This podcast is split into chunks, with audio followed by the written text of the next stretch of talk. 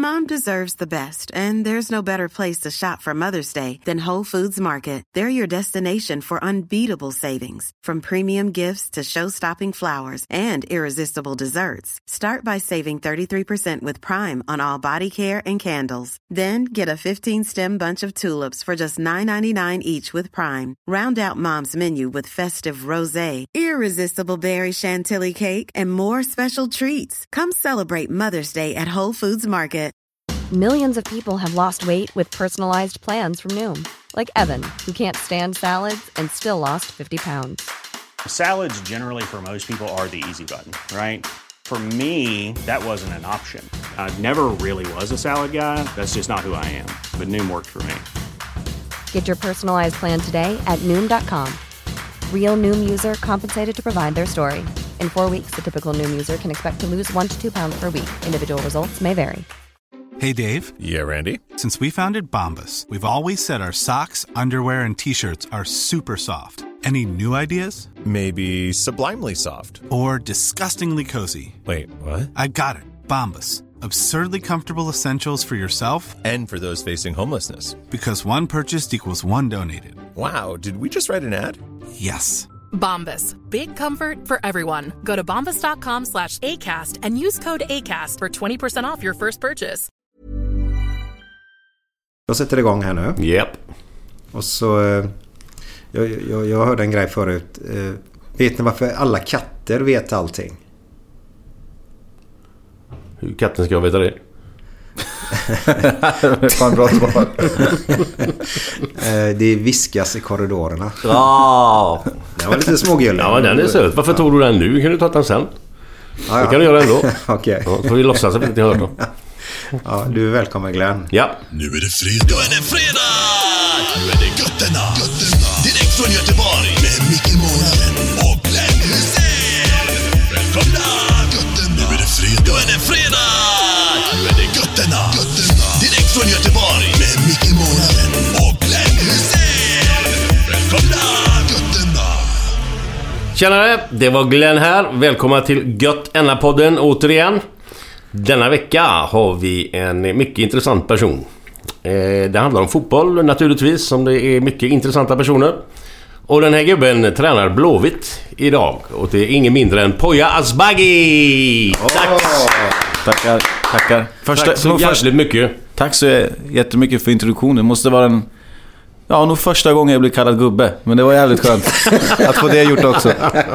Ja, men det är ju lite så i Göteborg så är det mycket gubbe. Ja, ja. Det har ingen med... Alltså ålder spelar ingen roll. Det är gubbe vare sig Nej, men- det är du skönt höra. 12 eller 25. ja jag tar det som en Ja, komplimang. men det, det, det hade man ju, kommer jag ihåg, när man spelade fotboll. Och så när man, när man kanske till och med var i 12-årsåldern så ropade man det. Kom igen nu gubbar! Ja, det är sant. man ju. Ja, ja, ja. Så, så undrar varför. För jag ska inte säga det, men det är säkert någon där ute som hör till och med tjejlag kanske ropar det. Nej, kan det inte vara. Ja, men jag hade nog gjort bort mig där kanske om jag hade tränat ett tjejlag. Kom igen gubbar, nu kör vi! Ja, det är inte lätt. vad, vad, in, innan vi börjar med det Poja. Eh, så, så har vi en tävling i den här podden. Och det är så att eh, vi är ju så dåliga. Vi går ut med grejer sen så är vi dåliga att följa upp det, binda ihop det om man så säger. Eh, men den här tävlingen fortgår. Vi, vi ska fram med logga till, till den här podden. Och det var väldigt fina priser i det. Och det kommer vi berätta i nästa podd vad priserna är.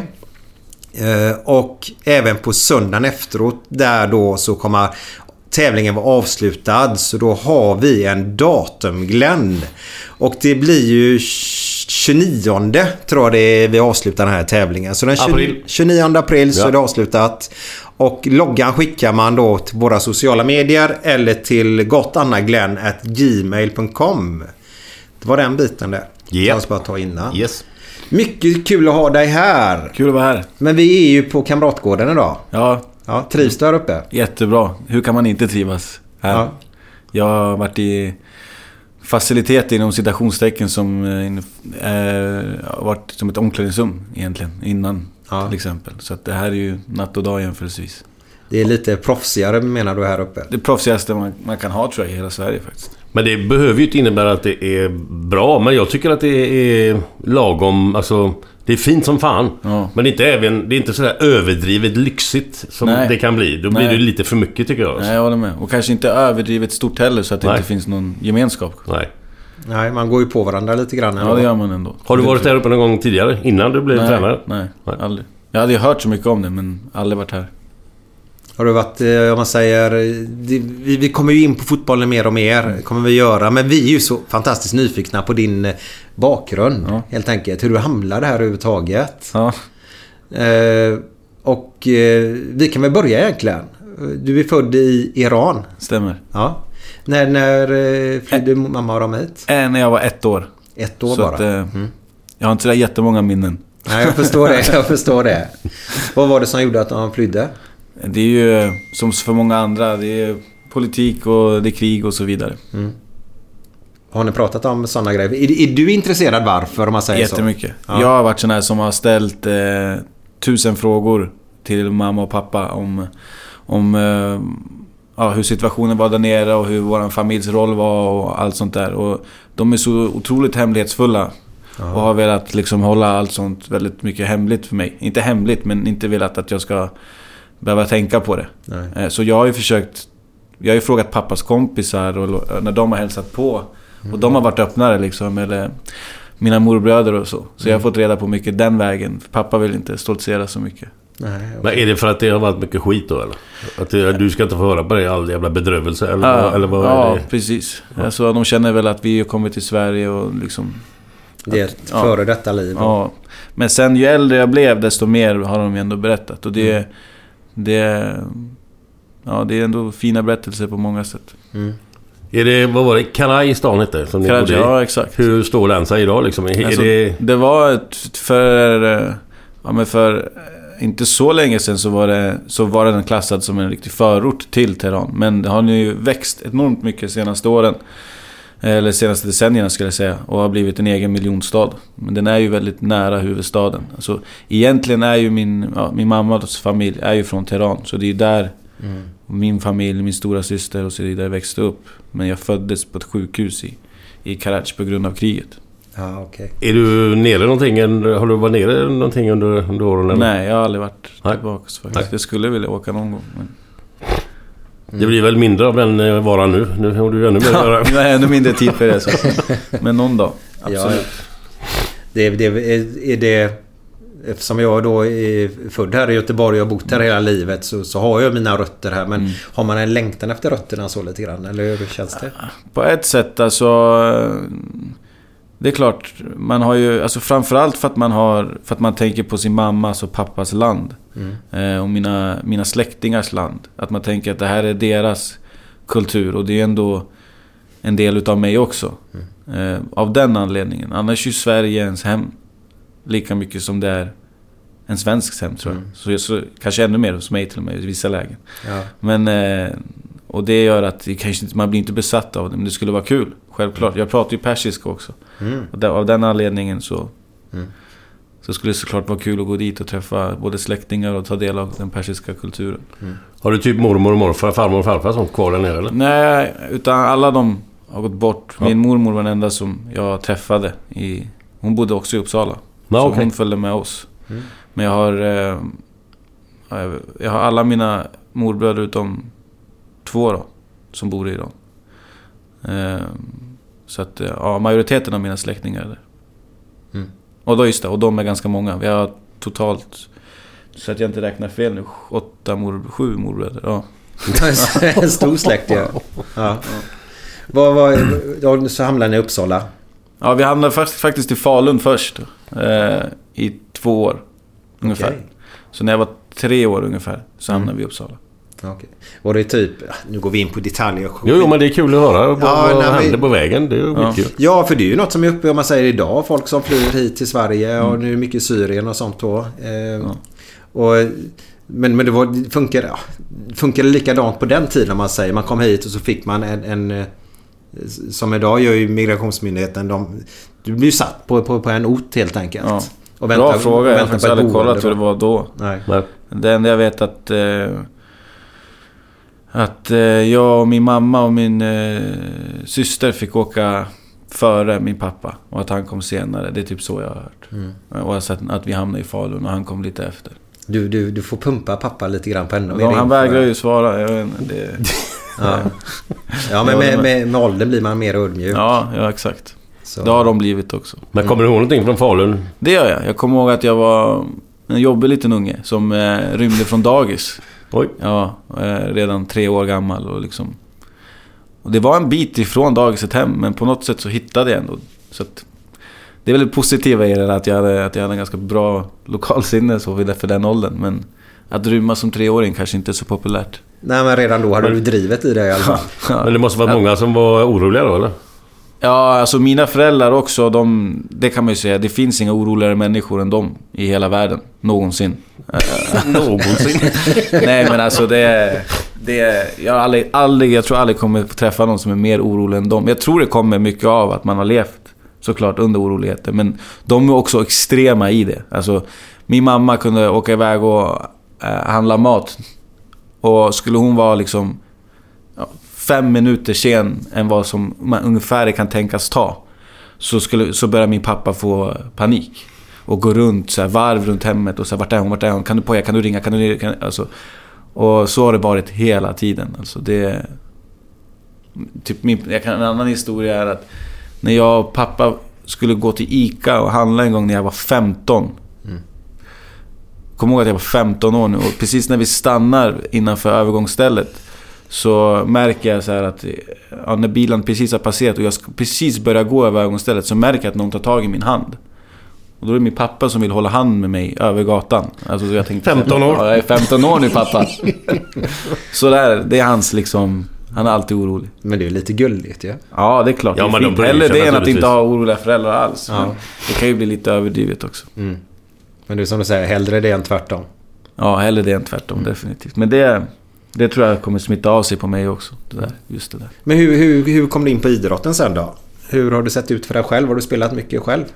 Ja, alltså det är också en, egentligen en bra fråga jag kom in på idrott. För min familj är ju så icke-idrott. Eh, Det är ju politik mycket och, och idrott. Det har ju varit så att de har tittat max på VM och liksom hejat på de lagen som... De länderna som, som är lite underdogs. De som har det politiskt dåligt ställt. Eh, U-länderna, de har man hejat på. Liksom, men det är så långt vi har kommit som idrott i vår familj. Jag, jag själv har alltid haft det drivet. Jag vet inte varför. Jag har alltid älskat fotboll så länge jag kan minnas. Eh, jag minns inte när jag inte gillade fotboll. Och alltid spelat fotboll. Vad är det första laget du höll på liksom? Eh, Eller det- favoritlag liksom? Inter. Inter? Ja. Vilka var det som spelade där då? Det var på grund av Roberto Baggio. Alltså jag... Du vet, när man är mindre så... Man tittar inte så mycket på själva fotbollen i sig, utan det är oftast en spelare som kan göra att man börjar heja på ett lag. Ehm, och Baggio var ju häftig tyckte jag, för han hade sin hästsvans. Och var ganska duktig också i, i det första riktiga mästerskapet som jag kan komma ihåg bra. Jag kunde titta på EM 92 och sådär, men, men VM 94 var ju det VMet som jag minns liksom alla matcher. Och han var ju riktigt bra det VMet. Och då började jag gilla honom. Trots att han missade den där straffen i Ja, finalen. ja. Så. Och han bytte ju lag hela tiden. Han var ju i Juventus och gick vidare och så vidare. Men han gick ju till Inter någon gång där vid 97-98. Och sen när han lämnade Inter då fortsatte jag Jag spelade ihop med honom i Fiorentina i två säsonger. Ah, det visste inte ens. Jo, Men då var han 17-18 och kom upp. Men han var ju ruggigt bra redan då alltså. Ja, ja. Fan, outstanding. Vad häftigt. Ja. Han måste ha ändå varit... Du har ju spelat med många bra, men han måste ju ändå vara bland de bästa. Jag tar ju ut en, en elva som jag har spelat med så Mm. är han ju med naturligtvis. Absolut. Det säger en del om, om vilka spelare du har spelat med. Han kommer in i din elva. Ja. Inte topp 1, topp 2, utan din elva. Nej, Bredvid Maradona och. Pelé. Och så, så en, eh, en, en som gör att han är ännu större. Det är att han är så jävla trevlig. Ja, ja. En jävla ödmjuk person. Ja, ja. Suverän människa. Ja. Ja, precis. Jag läste lite om det och så vidare. ja. Så, eh, buddhist, han- buddhist var han ett Han har läst, han, redan då satt han på bortamatcherna i bussen och läste om buddhism. Ja. Redan då alltså. Ja, så han hade ju sin grej klar från Ja. början. Liksom. Häftigt. Han jobbar för Italienska fotbollsförbundet nu fall. Ja, jag har ingen aning. Men han har inte träffat han sedan 94. Jag träffade han 94. Ja, det är grymt. Men fick inte de... eh, Fick inte han lite skit där 94? Gick det lite knaggligt för Italien i början i gruppspelet där? De tog sig precis vidare eller någonting. Ja, han vände ju på det ganska bra. Han blev ju utbytt där i... Var det när de fick utvisning mot Irland? Så bytte ju Saki ut Baggio. Av alla spelare. Och det blev ju en snackis. Sen så gick det ju ändå vägen och man tog sig med nöd och näppe till... Jag tror man tog sig vidare. På den tiden så gick och även bästa treorna vidare. i VM 94. För de hade Mexiko och Norge i den gruppen. Ja, exakt. Och Irland. Ja. Vänta nu, jag för mig... Åh, Mexiko... Var, var det inte den gruppen där alla slutade på fyra poäng? Ja, visst var det så? Jo. Ja, Och så var de på målskillnad någonting. precis. Jag tror alla lag slutade på fyra poäng, ja. Ja. ja, men det stämmer nog. De Och- spelade i New York. Vi var där och kommenterade om den gruppen. Bland Okej. annat. På TV3 då. Ja. Ja. Norge var ju jävligt bra då. Riktigt bra. Ja, ja. Men sen efter det så, när de tog sig till slutspel, då började han ju visa hela sitt register. Mm. Det var han som nästan, ja han skulle man nästan säga ensam bar Italien till, till finalen. Och så missade han ju straffen då tyvärr. Ja, det är det tyvärr med fotboll. Det är det, Det, men- men det är väl konstigt att det är så. Just, eh, vi har ju en Blåvitt-spelare då som, som, är, som också folk minns på grund av straffmiss då. Men det är just att båda de två också, de, jag vet inte om det blir värre när man skjuter över. Mm. Än om målvakten räddar. Alltså både Baggio och Ingson sköt ju... Eller, och Mild menar jag, sköt över. Ja. Och det var... Ja, jag vet inte. Jag vet inte om det är det som folk... Sköt inte Zlatan över också där? Portugal 04 mot Holland. De stod bakom. Ingen aning. Jo, det stämmer. Jag har för mig att de missade någon straff. Preben Jalker har skjutit över någon straff. I något EM eller VM eller någonting. Okej. Ja, så det, de är ju inte ensamma. Nej, det får vi inte hoppas. Men, men Baggio där bara snabbt där. eh, Han, han gillar ju inte djur.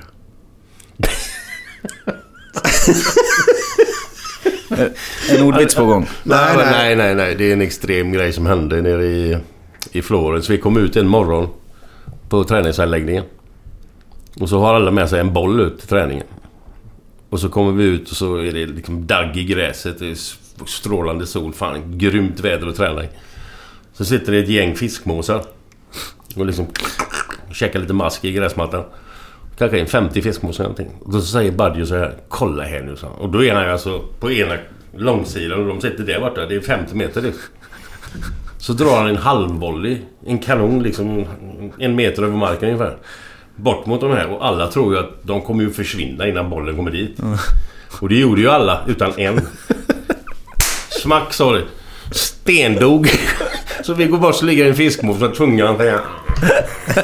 Och Baggio börjar grina, börjar gråta. Fan, jag har dödat en fiskmås! Ja, ändå. Säg en del om Han var människan. jättesnäll alltså. Ja, exakt. Var det därför du menar Ja, ja, ja, ja, ja. djur? ja, exakt. Men vi släpper Baggio nu. Men det är en härlig idrottsman. Ja, men du, alltså, följer du även Inter idag eller? Ja. Mindre såklart än vad man kanske gjorde för... Ja, du har inte tid liksom. Ja, på det sättet. Men, men det är mitt favoritlag. Jag tycker det har blivit lite... Alltså italienska ligan överhuvudtaget. Men- Milan... Alltså, man hänger inte med riktigt samma nu som jag gjorde för några år sedan. Jag kan inte en spelare knappt i Inter alltså. Vilka Nej. är det som är bra där nu? Är han kvar mittbacken Alex? Nej, utan nu är det ju den stora stjärnan är ju... Eh, Icardi. Ja, ja, han, Kaptenen. fan, han gör ju mål och grejer. Ja.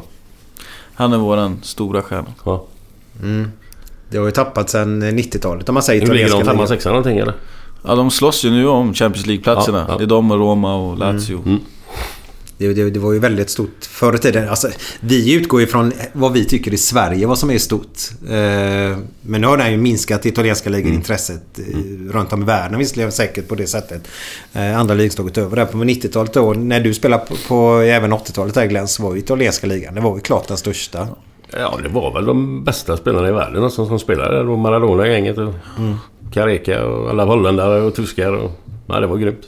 Det är ju pengarna som har hamnat på de brittiska öarna till exempel. Men Ja. nu börjar ju Serie A faktiskt komma ikapp lite. Bli lite fler utländska investerare. Ja. Ja, Roma, lite kul ändå att de gjorde den vändningen här nu. Ja, lite oväntat. Ja, och sen var ju faktiskt Juventus jäkligt nära att Ja, göra var ju vändningen också. Ja, jag tyckte lite synd om dem faktiskt. Ja, eh, det blir ju så.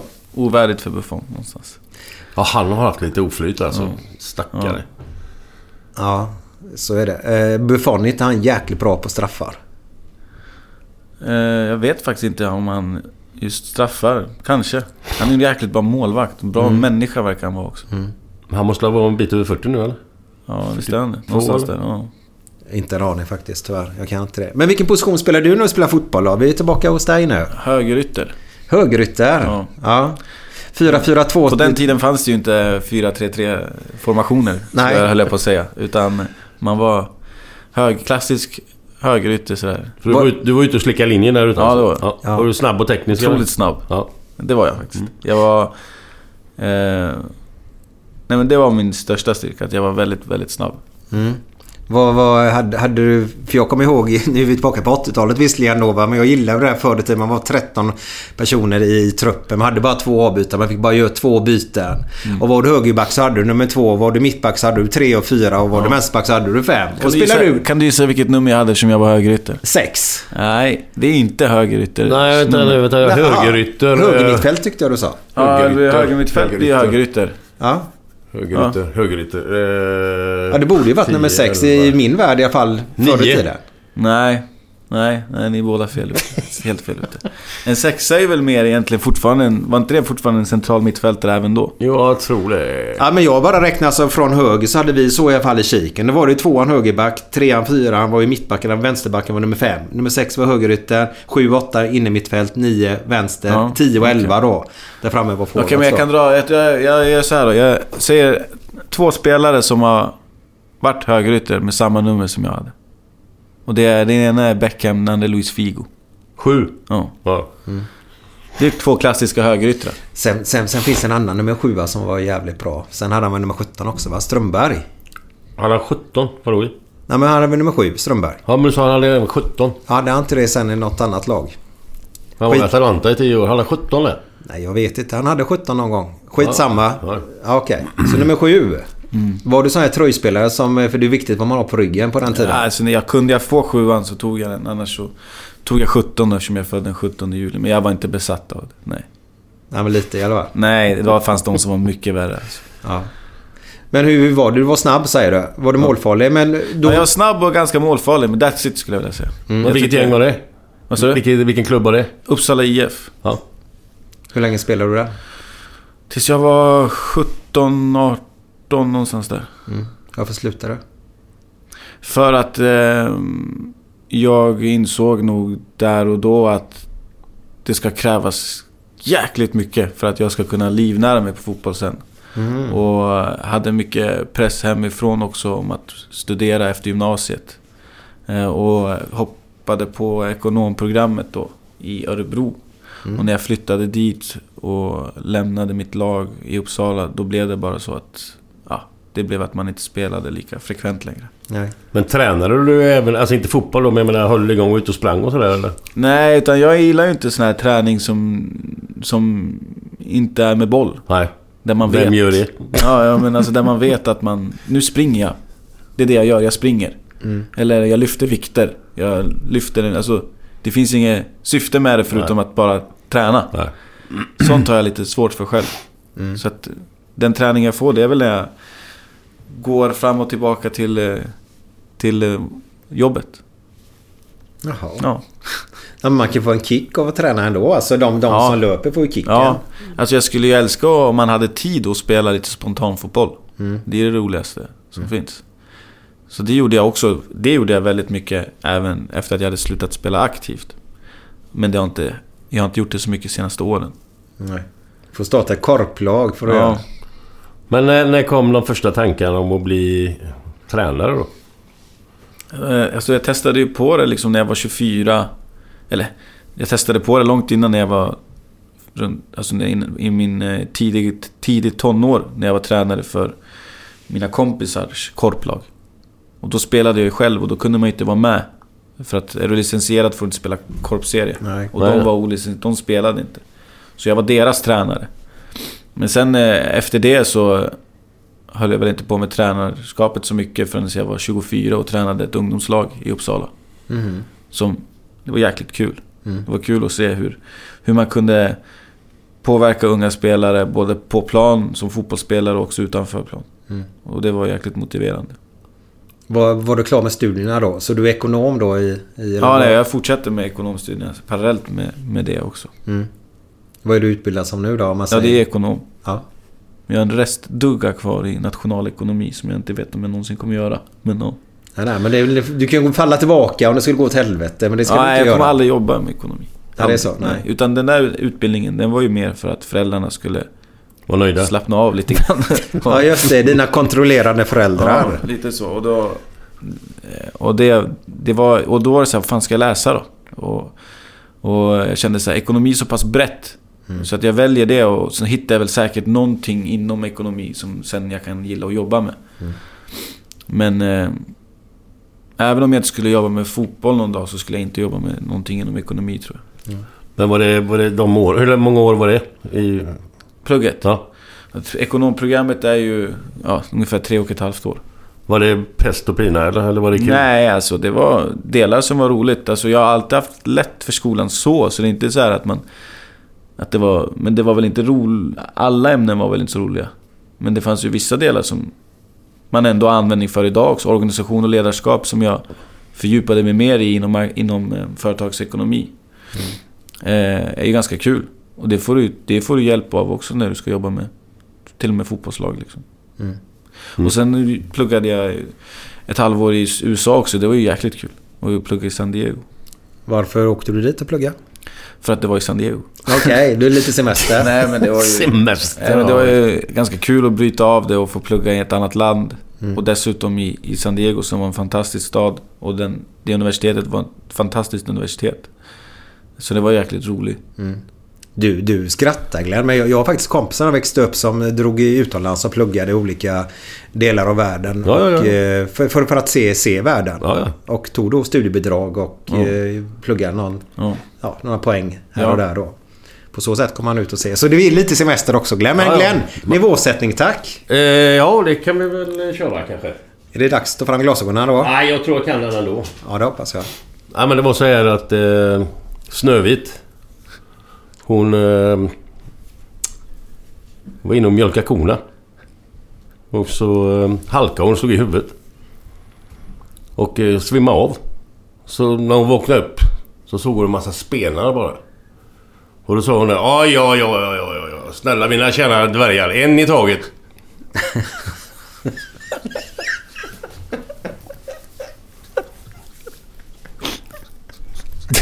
det var en bra början.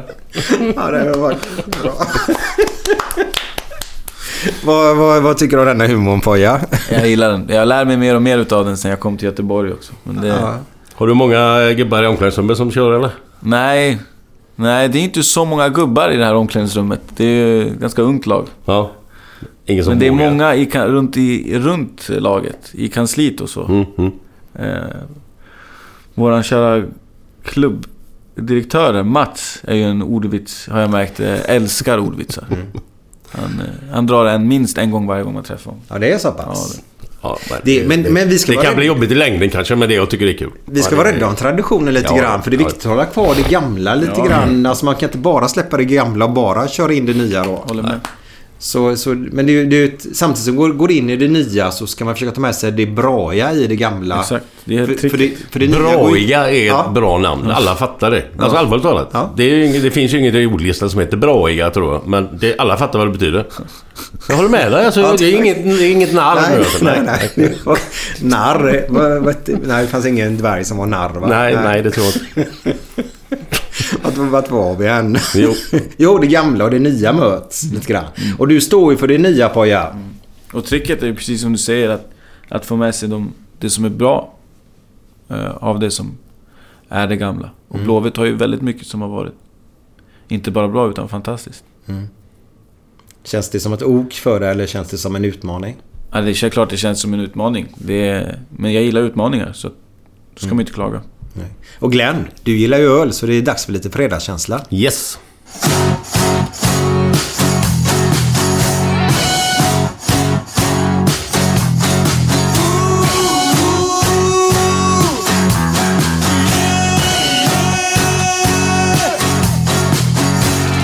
Måndag morgon, inte bra. Tisdag morgon, inte bra. Onsdag morgon, inte bra. Torsdag morgon, det är inte bra.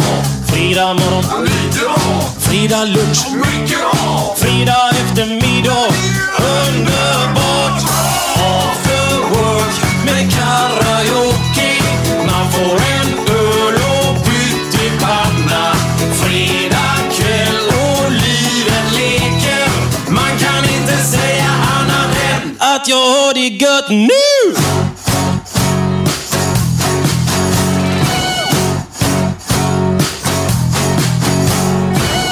Morgon, inte bra. Tisdag morgon, inte bra. Onsdag morgon, inte bra. Torsdag morgon, inte bra. Fredag morgon, lite bra. Fredag lunch, mycket bra. Fredag eftermiddag, underbart bra.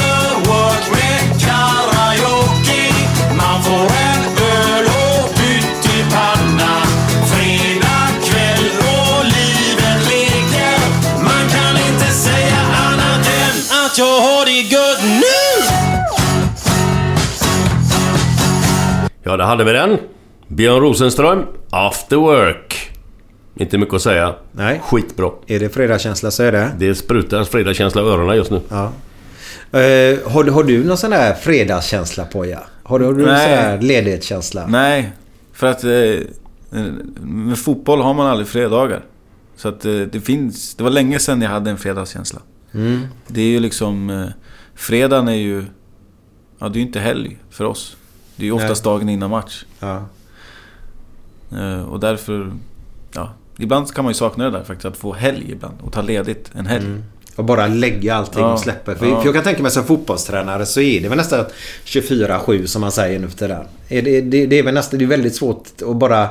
Du kan ju lägga det ifrån dig visserligen men det är ju fotboll på TV. Det är ju överallt så blir man ju påminn om fotboll hela tiden. Ja, ja men så är det. det. är- Du vilar aldrig hjärnan. Nej, det måste ju sitta hela tiden. Hela tiden. Och så, Ja. Måste nästa man- match, nästa match. Ja. Och till och med när det blir uppehåll och så, så, så tänker du trupp. Alltså, det är... Nej, det är hela tiden faktiskt. Är det, eh, lever du i något förhållande idag? Ja. Ja. Det...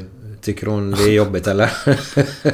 Ja, det tror jag. Men hon visar inte det och det är väl beundransvärt tycker jag. Att hon är väldigt stöttande och tittar på matcher och har bra koll liksom. Trots att hon egentligen från början inte är ett dugg fotbollsintresserad.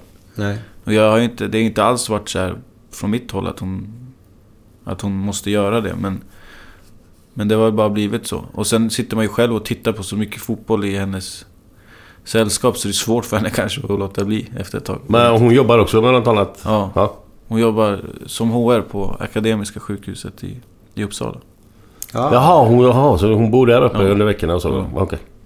Jäklar, det måste vara eh, både, både, både häftigt att ha det så för det blir ju en längtan. Samtidigt Ja, så väldigt måste du slita också lite grann på det säkert. Ja, men sen... eh, Hon, är, ju- hon, hon, är, hon kommer hit ganska ofta. Så att vi träffar varandra ändå rätt ofta. Men det är klart, de här vardagskvällarna när man kommer hem från träning och så. De kan vara ganska tomma ibland. Då blir det bara... Det blir ännu mer fotboll hela tiden. Ja. Så eftersom du inte bara fastnar för mycket i Ja, exakt. Kollar du på indiska division 2-ligan och sånt där då? Nej, men jag kan... Ja, det är näst, där, där går gränsen skulle jag säga. division 1 i Indien Ja, funkar. det, men man har sett så mycket fotboll från olika delar av världen. Ja. Men, men du, eh, du har ju tagit alla sådana här steg som man måste göra för att bli tränare och sådär. Hur, hur, vem, eller hur var det, vad var det någonstans? Eller hur gör man sånt nu för tiden? Ja, då var det att jag, jag började gå... Alltså det finns ju motsvarande... Det kallas ju för C och B-diplom. Som är de första stegen. Och sen finns det något som heter Uefa Advanced som är näst högsta och nu Pro då som jag håller på att ut, uh, gå klart. Så det är fyra steg så. Ehm, och det började... Jag gick den första kursen när jag började träna. Ja, någonstans där när jag var 26-27. Hur, vad är det vecka då? Eller, eller ett par dagar? Nej, det? Då var det väl, jag tror fortfarande så att du får... Du har liksom en helg, en hel helg. Där du eh, genomför en viss del utav utbildningen. Så träffas ni någon månad senare i två dagar. Det blir så här två, tre heldagar. Eh, Och sen blir det väl totalt t- 12 sådana för att genomföra första delen av utbildningen. Pro-utbildningen är såklart längre. Den är två år och Mm. väldigt många träffar. Är det den du håller på med nu? Ja. Oj. För du, du, du har ju haft en väldigt kort karriär verkligen. Mm. Än så länge. Du är ju 32 år idag. Eller, ja, du fyller 33 år. Ja. Eh, Och du pratar om första utbildningen gick du 26-27 där Ja, eller? precis. Det är grymt snabb karriär. Ja, Det, det är imponerande. ja, ja men det, det har gått snabbt. Det har det verkligen. Är det bara hat arbete eller... eh, Glenn brukar ju säga det här även som fotbollsspelare. Vad du än gör nästan i livet så måste man ju ha lite tur på vägen också. Ja, jo men jag, jag, tror det. Alltså, men samtidigt så... Ja, jo men det är klart. Det finns de som har jobbat säkert lika hårt som mig som inte är där jag är. Och då har jag väl varit mer tursam än dem. Det måste väl vara tur. Ja, det är inte bara tur alltså, men, Nej, men en liten gnutta måste ja, man ja, ha. Ja, ja, det var inget negativt Nej, det jag nej, menar men jag menar Nej. att det, det har ju säkert funnits de som har jobbat ännu hårdare än mig. Men som inte har fått chansen där jag, och verkar på den nivån jag är på. Då måste det ju ändå vara lite tur som gör att jag är här. Så jag instämmer. Men det är ju framförallt väldigt mycket hårt arbete för... Mm. Jag skulle nog aldrig, jag skulle aldrig få chansen här om inte jag hade jobbat hårt. Det går inte. Alltså det finns ingenting som jag skulle kunna fått gratis. Så. Nej. För jag har varken spelat själv på elitnivå eller, eller haft någon släkting eller något namn eller någonting som har talat för att jag ska vara där jag är nu liksom. Det, utan det är bara hårt jobb. Men har du känt det någonstans på vägen liksom att ja, här kommer han nu, han har inte spelat någon fotboll själv. Är det, alltså, har du hört någonstans på vägen att... Jaha, vad ska han lära oss? Han har ju aldrig spelat själv. Inte så mycket som jag kanske trodde att jag skulle få höra, men... Eh, eh, nej, jag har inte hört det så mycket. Det var väl mer när jag började egentligen på lägre nivå. Då fick jag höra det. Mer än vad jag får höra nu. Vilket är lite konstigt. Men när jag tränade liksom division 3-lag som, som... När jag tränade division 3-lag som 26-åring så fick jag höra det. Men inte lika mycket när jag Nej. tränade IFK Göteborg som 32-åring. Ja. Men du, de här tre stegen då? Eller är det tre steg eller vad är det? Ja, vad Fyra. blir det? C, diplom B? Ja, fyra blir det totalt. Men det är, ju, det är ju fotboll allting handlar om. Men det här sista steget då, vad är det man lär sig där liksom? Är det psykologi och grejer eller vad, Ja, vad det blir väldigt om? många inslag av just psykologi också och ledarskap. Och där får du träffa också många experter som jobbar även med det utanför fotboll. Som kan jobba med, med liksom eh, militären som kommer dit och, och delar med sig. Och där får man lära sig väldigt mycket. Jag tycker man framförallt får lära sig mycket på sista delen för att man träffar kunnigt folk. För att det är andra som går utbildningen som har en ganska gedigen erfarenhet eller ett bra kunnande och så får man utbyta idéer med varandra. Vad, vad har du tagit med dig just den psykologiska biten? Vad, vad är din... Som, som du vill föra in i laget om man säger? Ja, men det är väl det som är tricket för alla elitidrottare. Hur man hanterar... Framförallt tycker jag hur man hanterar motgångar. Mm. Och hur man ska... Hur man ska... Hur man ska försöka tänka och hur man ska försöka agera. Egentligen.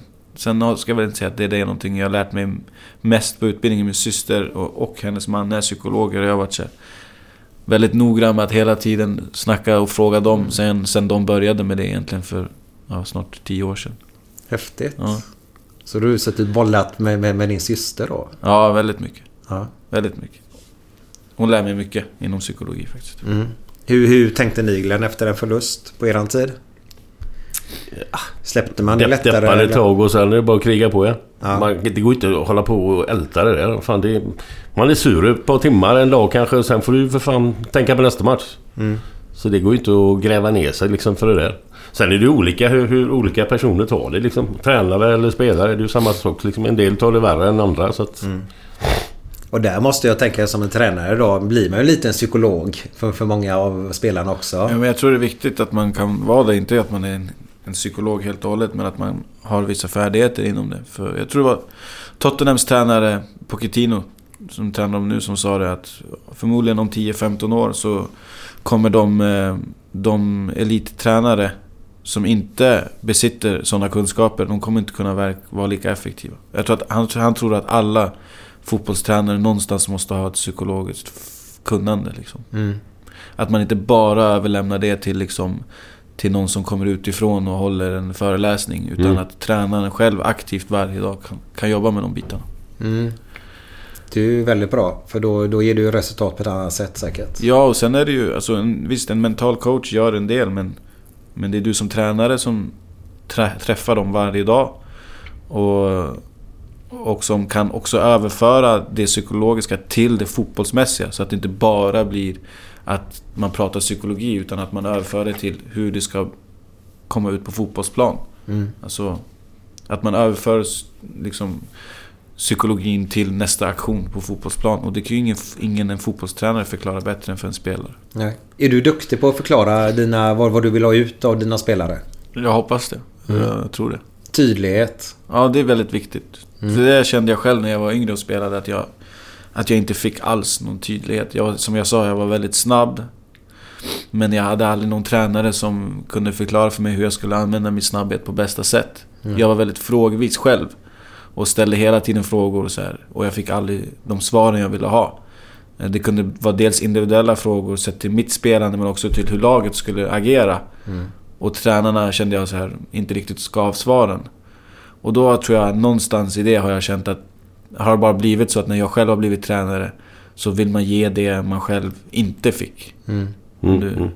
Att det blir så att jag är då tvärtom extra noggrann med att försöka förklara så att ingen spelare känner att de inte vet vad de ska göra.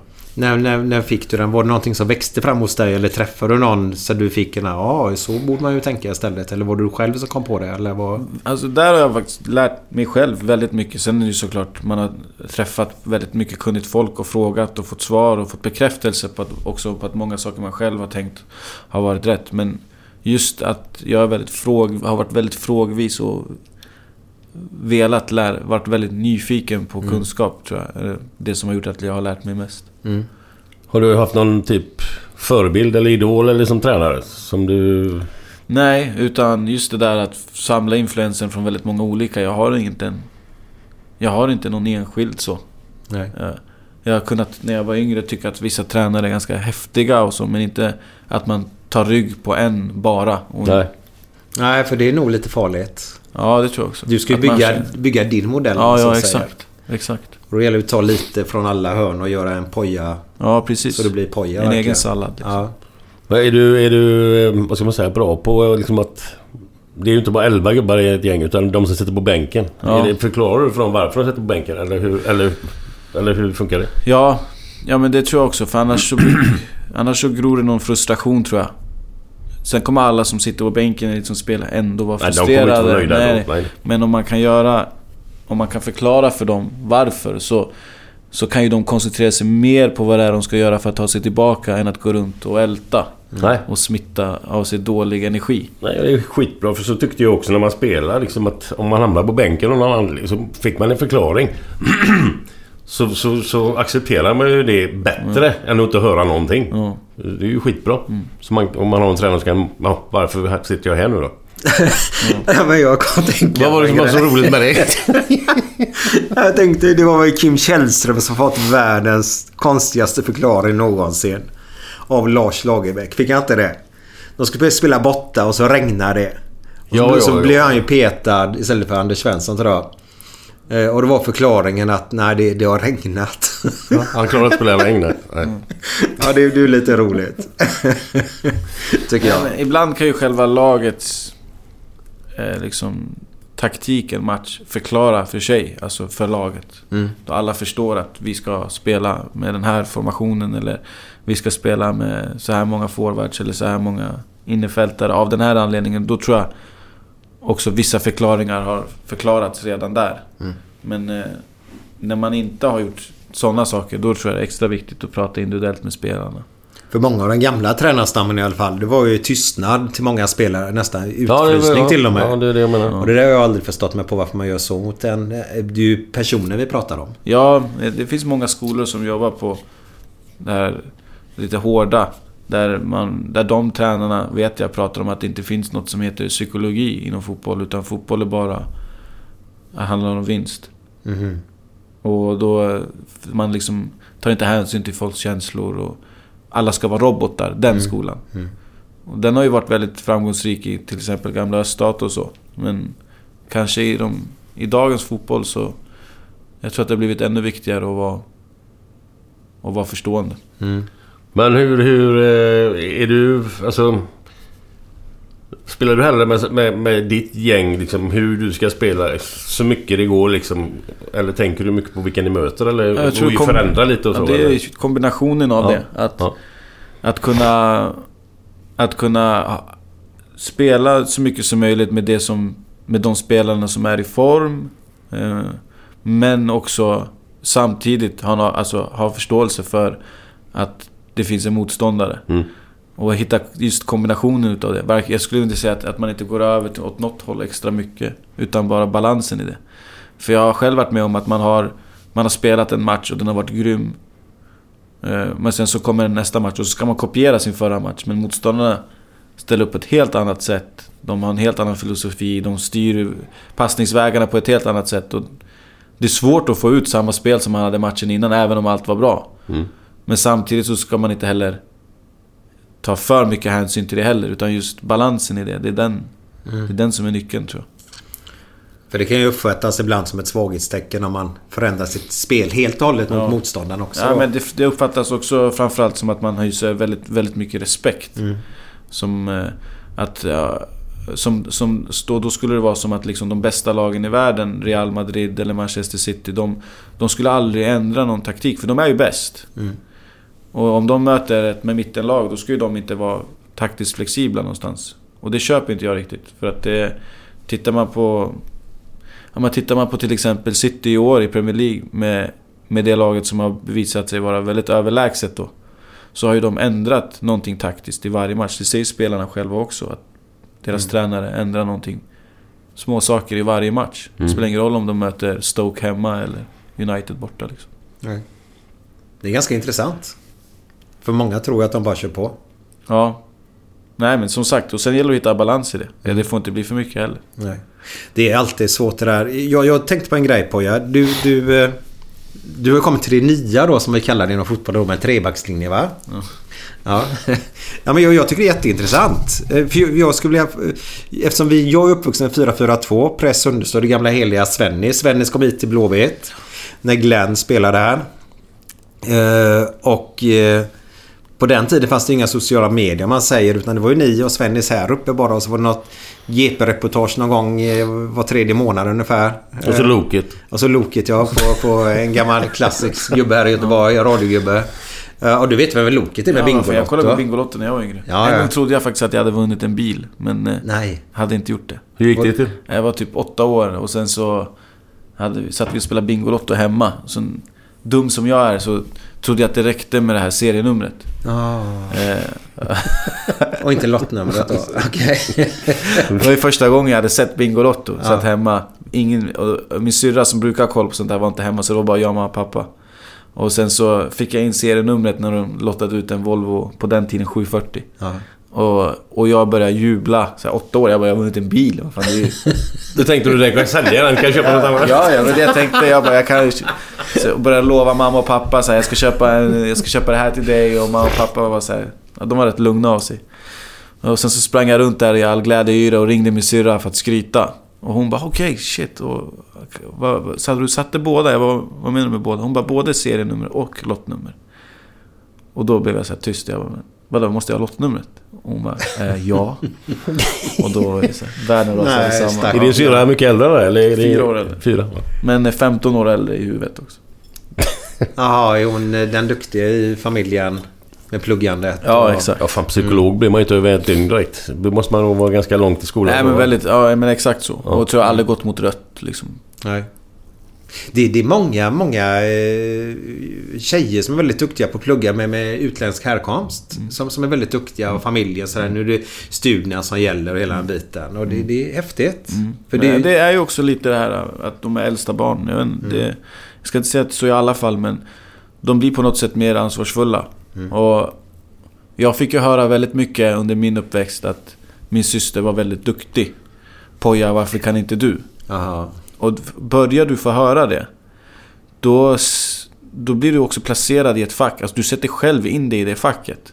Där, där din syrra är den duktiga och där Poja är den som inte är lika duktig. Eller inte lika duktig men lite slarvigare eller bråkigare eller vad som helst. Var, var det det som fick igång dig? Åt andra hållet då? Ja men det är problemet... Tagget, Ja. tagga upp liksom. Ja men alltså problemet blir då att du blir också så här som eh, 15-åring.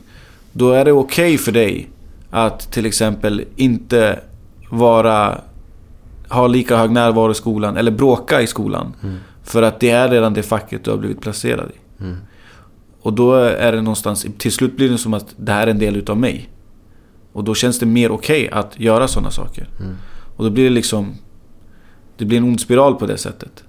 Och så var väldigt mycket min uppväxt att jag fick ju höra väldigt mycket att min syster var väldigt duktig. Hon var ju duktig. Och jag ser upp till henne väldigt mycket. Men det blir också så att då blir det okej för mig att inte vara lika duktig. Men var du brötig i skolan? Brokig och sådär? Ja, ja, precis. Och då blir det väldigt mycket... Ja, ja. Och det var inte förrän... Alltså, när jag växte upp ordentligt som jag också liksom tänkte och var så här, men man behöver inte... Jag behöver inte vara den personen som det förväntas att jag ska vara. Alltså, Men det är ju inte så lätt att bara bryta det. nej. Men det, det krävs att man kanske kommer lite till insikt. Så. Mm. Gjorde du det då? Eller Ja, jo men absolut. Var det då du började plugga ekonomi? Eller Nej, nej, utan det var, det var inte det att jag började plugga. För jag har alltid varit bra i skolan. Mm. Utan det är just det här med att man kanske... Min syrra har aldrig gått mot rött, men jag har varit väldigt bråkig. Mm. Just de kontrasterna oss emellan. Eh, vi är lika till utseendet, men inte så lika till hur, hur, hur vi har växt upp. Mm. Var, det, var det en tuff... Alltså, hade du väldigt bråkigt i din uppväxt då? Ja, men en del tror jag. Mm.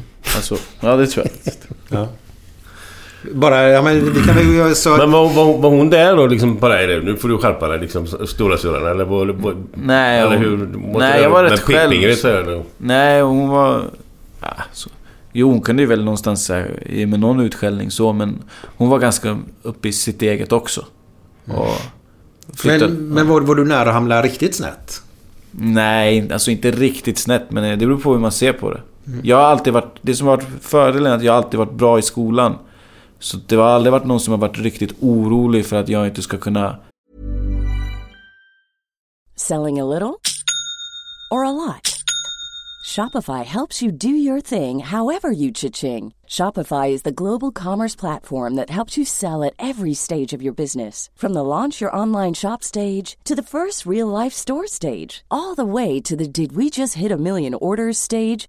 Shopify is there to help you grow. Shopify helps you turn browsers into buyers with the internet's best converting checkout. 36% better on average compared to other leading commerce platforms because businesses that grow grow with Shopify. Get a $1 per month trial period at shopify.com/work. shopify.com/work.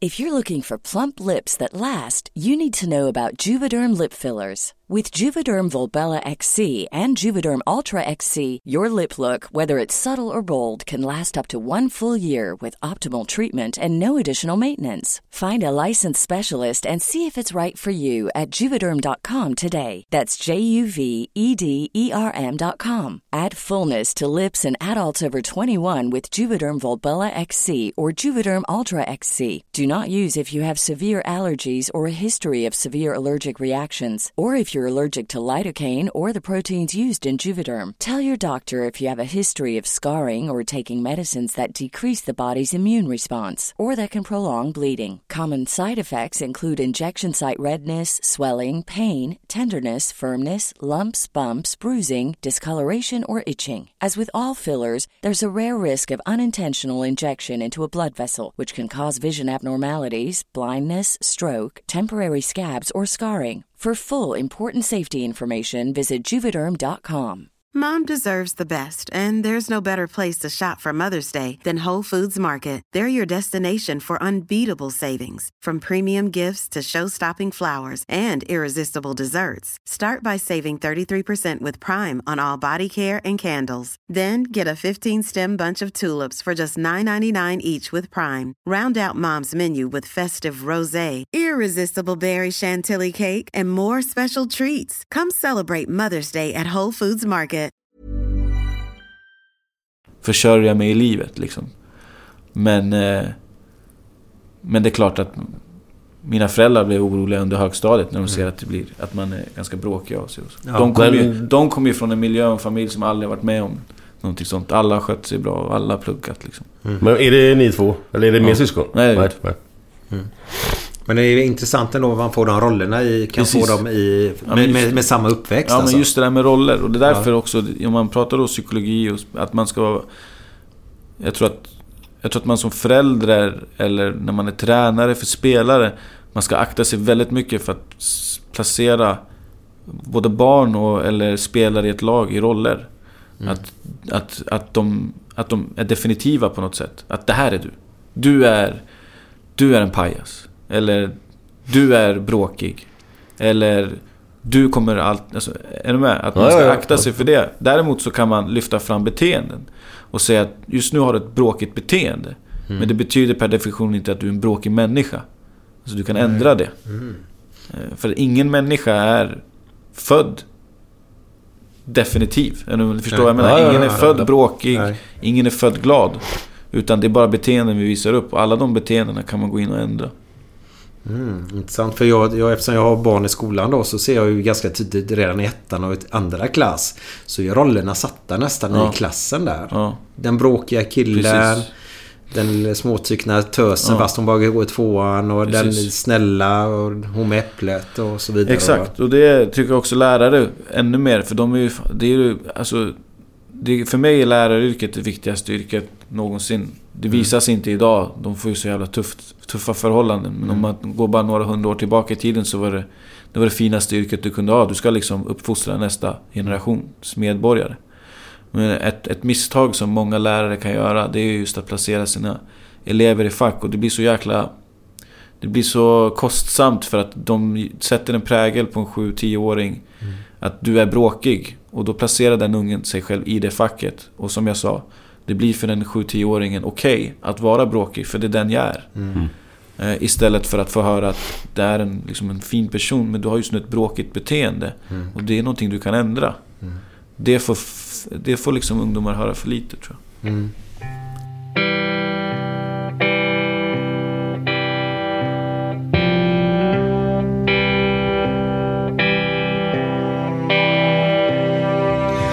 Fem på morgonen i New York City går en man i en sliten gammal hatt. Sveper rocken kring den tunna kroppen, huttrar till. Det har varit kallt i natt. Ser en strumpa sticker ut ifrån hans sko. Vandrar vidare men utan framtidstro. Fem på morgonen i Hallonbergen står en kvinna med gråten i sin hals. Tittar håglöst in i morgonsolen. Hon är trött, hon har inte sovit alls. Två av fem miljarder människor vårt klot. Men mot deras ångest finns det ingen bot. För de är ledsna för att de inte är från Göteborg. De kan inte se hur Gustav Adolf pekar på sitt torg. Det är inget fel på att vara etiop. Men inte riktigt rätt ändå, det vet de allihop.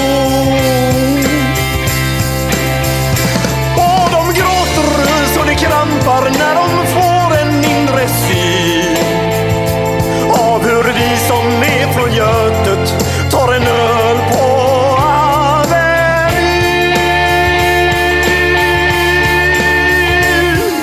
En fotbollskille får sitt genombrott och snackar proffskontakt med fem italienska klubbar. Ändå känner han att tåget har gått. En annan gubbe med en ollontusing och en latextjuva skriker ta mig rör röven gubbar. Men det ger honom inte nåt. Samma tomma blick och tårar salta smak. Om man frågar säger båda samma sak. De är ledsna för att de inte är från Göteborg. De kan inte buss torg. Det är inget fel på att vara från Mölndalsbro. Men 14 stopp med fyran svider mer än man kan tro. Och de gråter och slår det krampar när de får en mindre syn. Har vi vi som är från Götet? Har vi vi som är från Götet? Ja, där hade vi den. Jävlar anamma. De är ledsna. Också sketa bra. Ja, men Poja är ju snart göteborgare. En äkta göteborgare Ja, kanske. han börjar Ja. faktiskt eh, bryta lite på göteborgska. Ja. Vissa ord. Kom, kom gärna lite närmare Poja, tack. Eh, Ja, det dröjer inte länge för det är ren göteborgska det. han kanske börjar med ordvitsarna inne i omklädningsrummet nu. Ja, det skulle vara intressant att höra. Du, du som den... Eh, eh, vet du varför eh, alla katter vet allt? Det viskas i korridorerna. ja, så, så dåligt. Men du, du, du får ta med dig den in här nu och så eh, kan du berätta den för dem på Jag drar den det första jag gör på genomgången imorgon. Ja. Ja, gör det. Ja, innan. Får vi se om, ja, om någon har hört det. Men jag tänkte så här eh, Poja. Jag, jag har ju hört att du när du kom hit till Blåvitt så ställer upp alla gubbarna. Nu får du säga om detta stämmer eller inte för jag vet ju inte riktigt om det gör det. eh, I en ring. Och så pratar du någonting om att, kommer ni ihåg klassdiskorna i, på lågstadiet eller mellanstadiet? Så gick du in och ställde och dansade i mitten. Stämmer detta? Den här viskleken, körde du den någon gång när du var yngre? Ja, att det alltid var något, Och sen när det i gått varvet runt så hade det bara ballat ur. Ja, ballat ur. Att jag Ja. stod och dansade där, det var ju... Det var var, inte att överdriva. Ja, okej. Däremot så var det en fotbollsträning. Ja. Och eh, så bröt jag en övning. Mm. Och så skulle jag bara illustrera hur man som spelare egentligen ska söka en ny yta. Mm. Och drog jag en parallell till ett lågstadiedisco. Och så gick jag och visade mig. För det... Men det var ingen dans. Nej. Utan det var en rö- fotbollsrörelse. Ja, okej. okej. Ja, Men fotboll är ju som att dansa ibland. Ja, Tar vi Ronaldinho var ju absolut en som har dansat väldigt fin fotboll tycker jag Ja, personligen. ja, det är på ett annat sätt, absolut. Det, är inte, det är inte många mittbackar som dansar då kan jag säga. Nej, Inte men... graciöst. Nej, Nej. det är sant Glenn. Eh, för att du har varit med i Let's Dance då, bland annat. Men du, är, är du inne och bryter träningen ibland så här, eller? Alltså, under, under träning? Om det är något som inte du tycker ser bra nu. Hallå gubbar, hallå. Ska, nu får ni göra så här och så här istället. Eller låter du det gå och ta det efteråt eller? Nej, det beror på. Ibland så om du har till exempel en träning som ska vara väldigt högbelastande.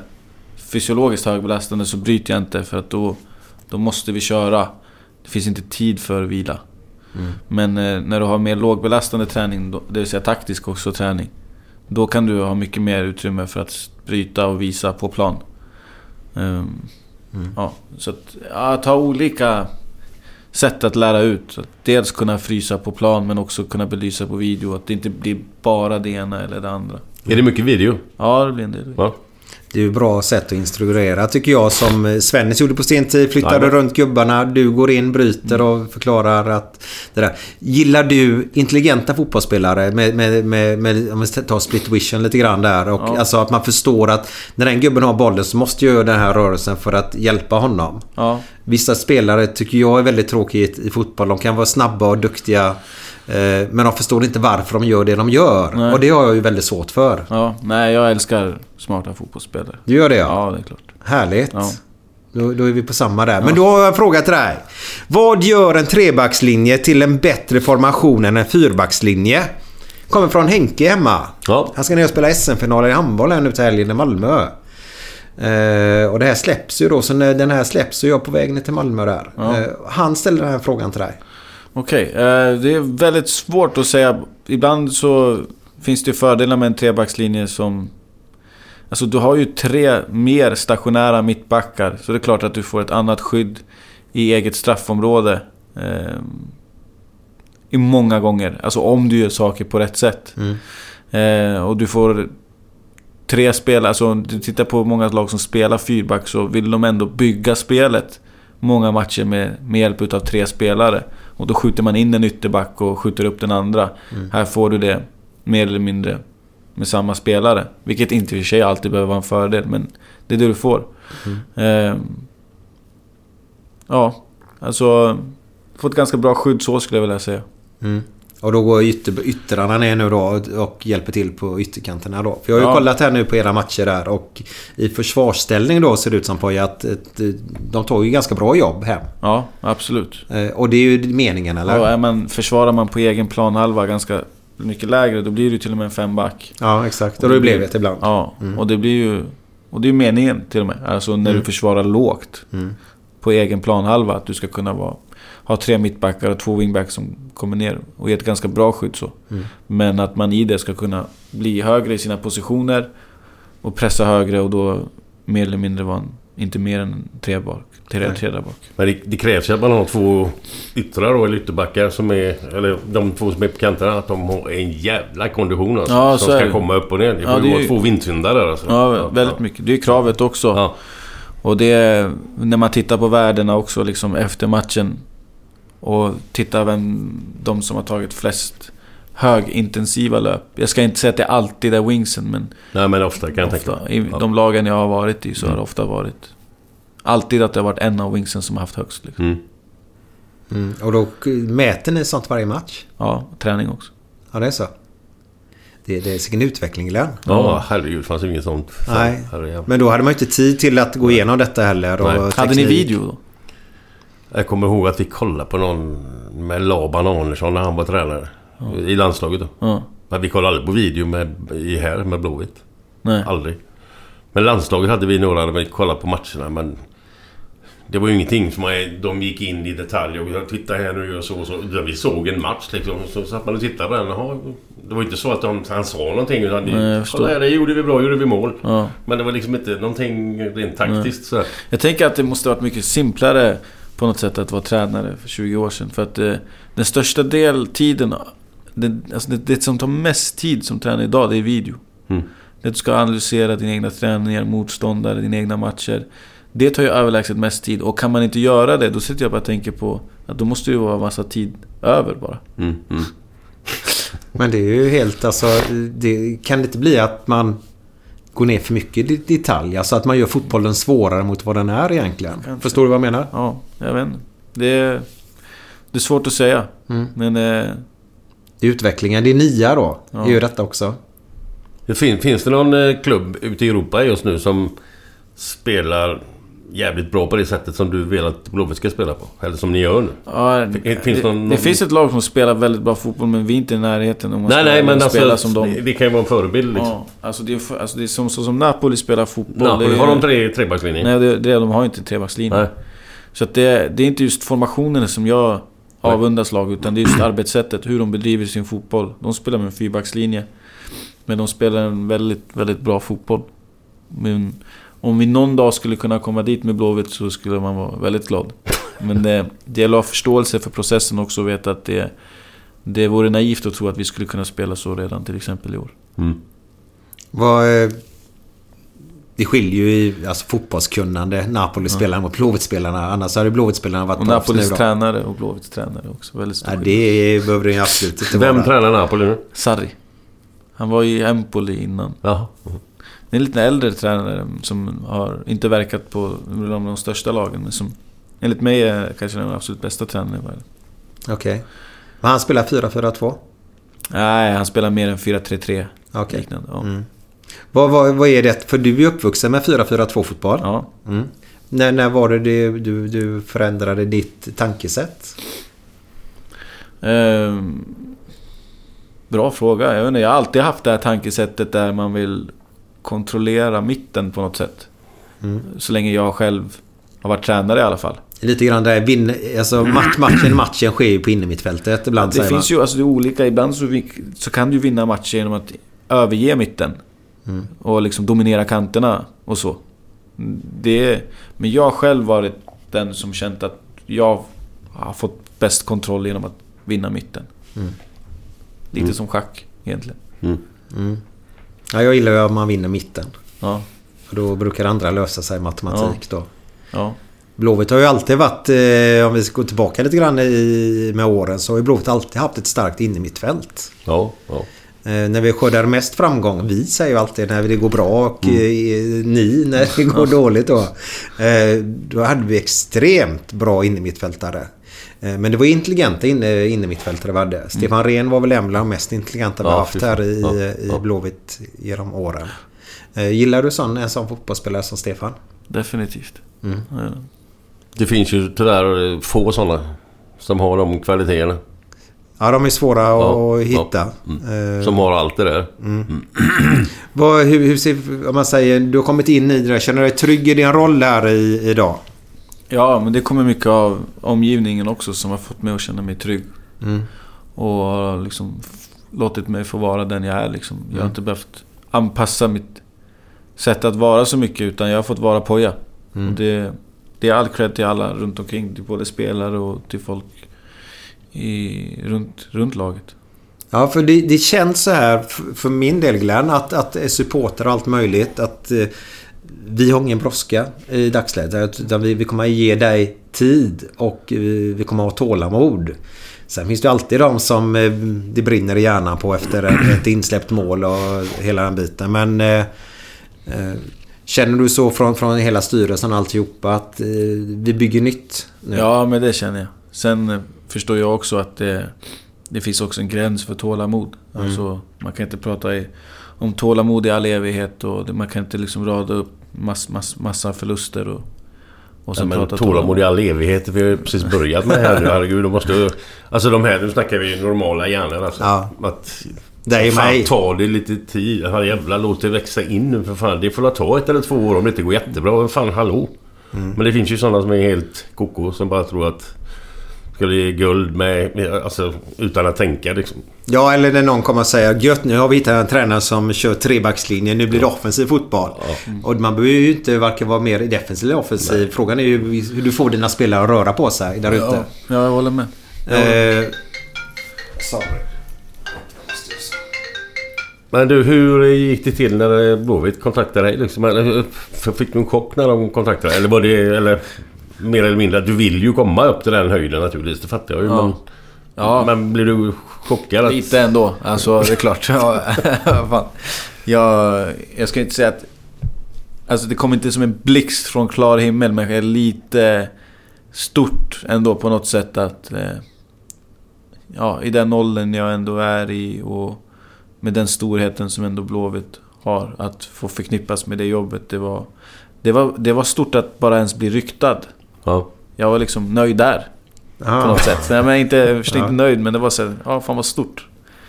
Eh, och att sen få jobbet, det är klart det... Det var jävligt stort.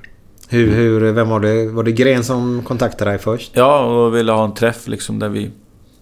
Där han ville veta mer om mig som person och också lite mer på djupet veta hur jag... Han visste ju liksom hur jag hade spelat min fotboll i både Dalkurd och Gävle men han ville nog veta mer på djupet och höra mig säga det framför en taktiktavla Mm. och prata liksom fotboll så.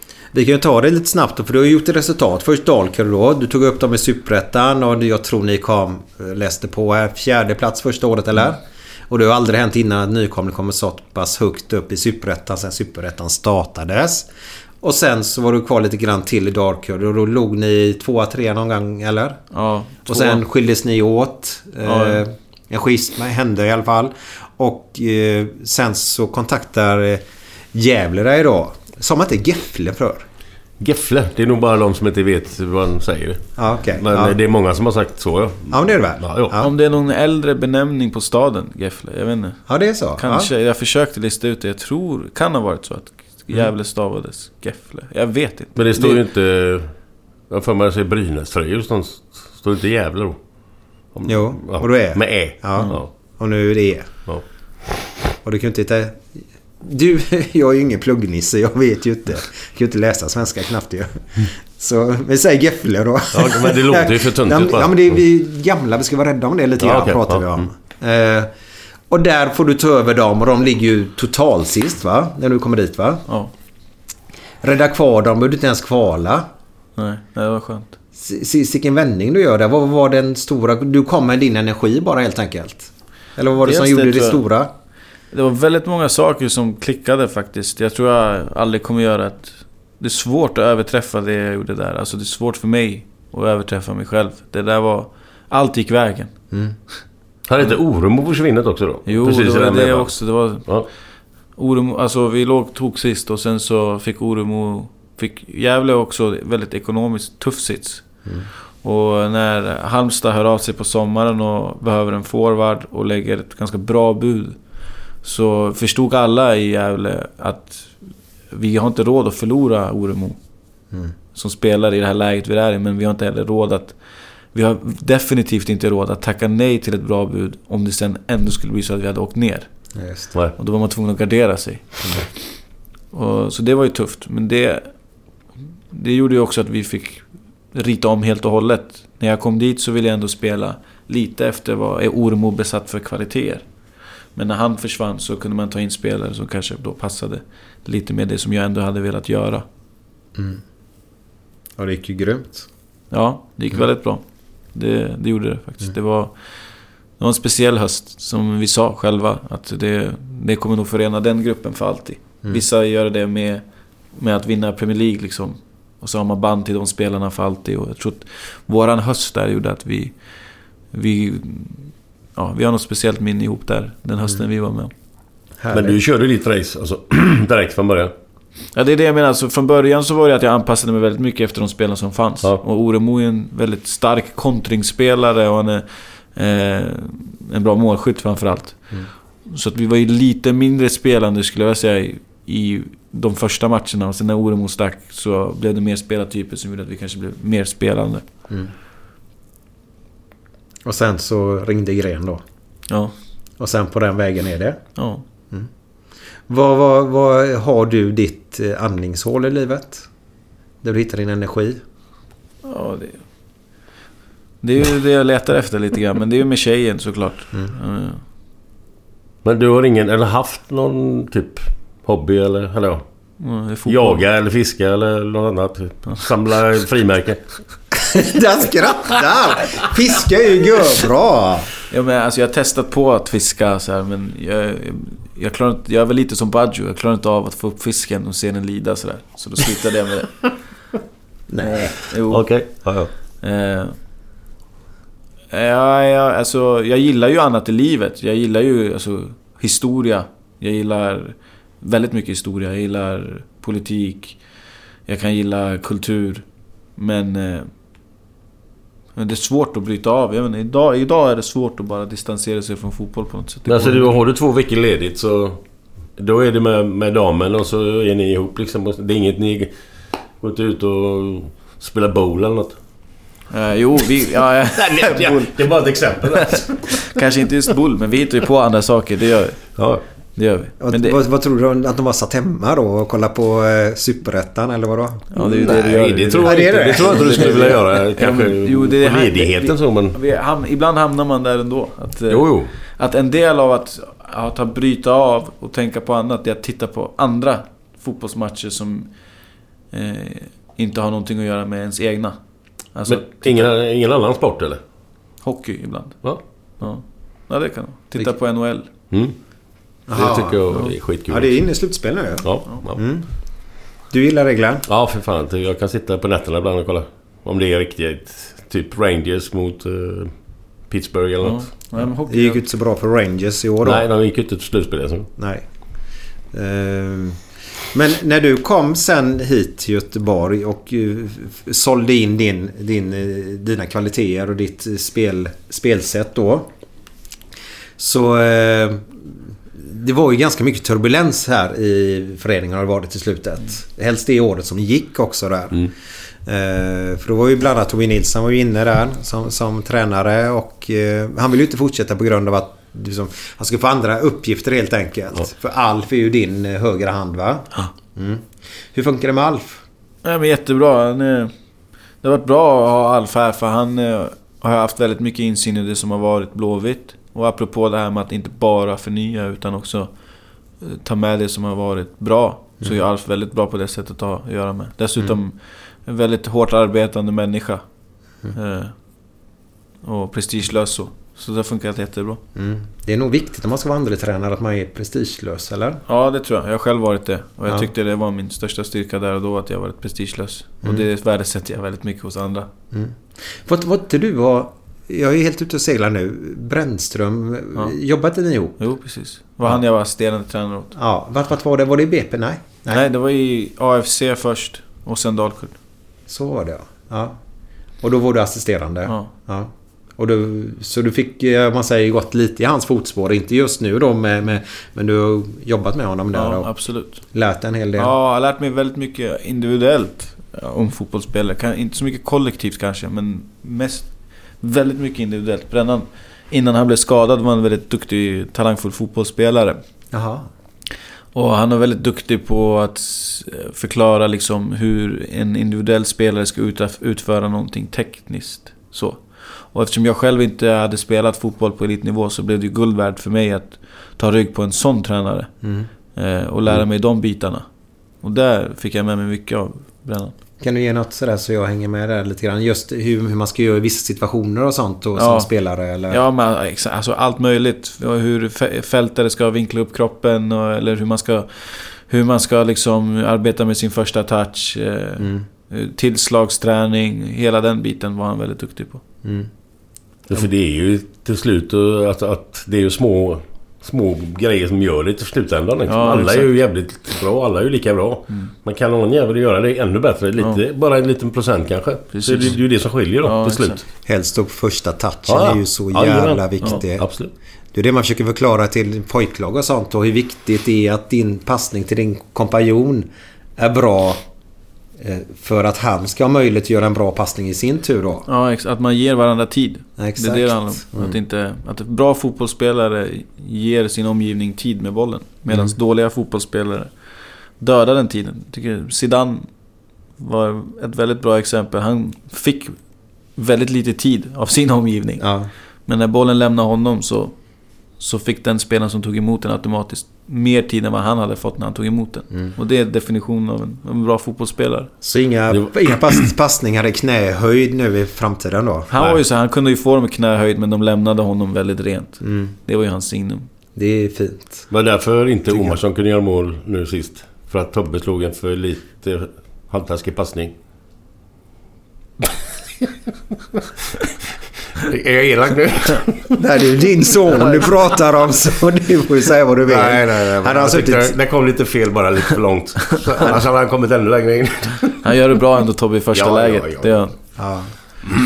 Hur, hur, hur kände du? Tobbe har ju ett jättefint läge mot Östersund borta. Ja. I första halvleken. Han får en för bra träff. Han får en väldigt bra träff. Ja. Ja.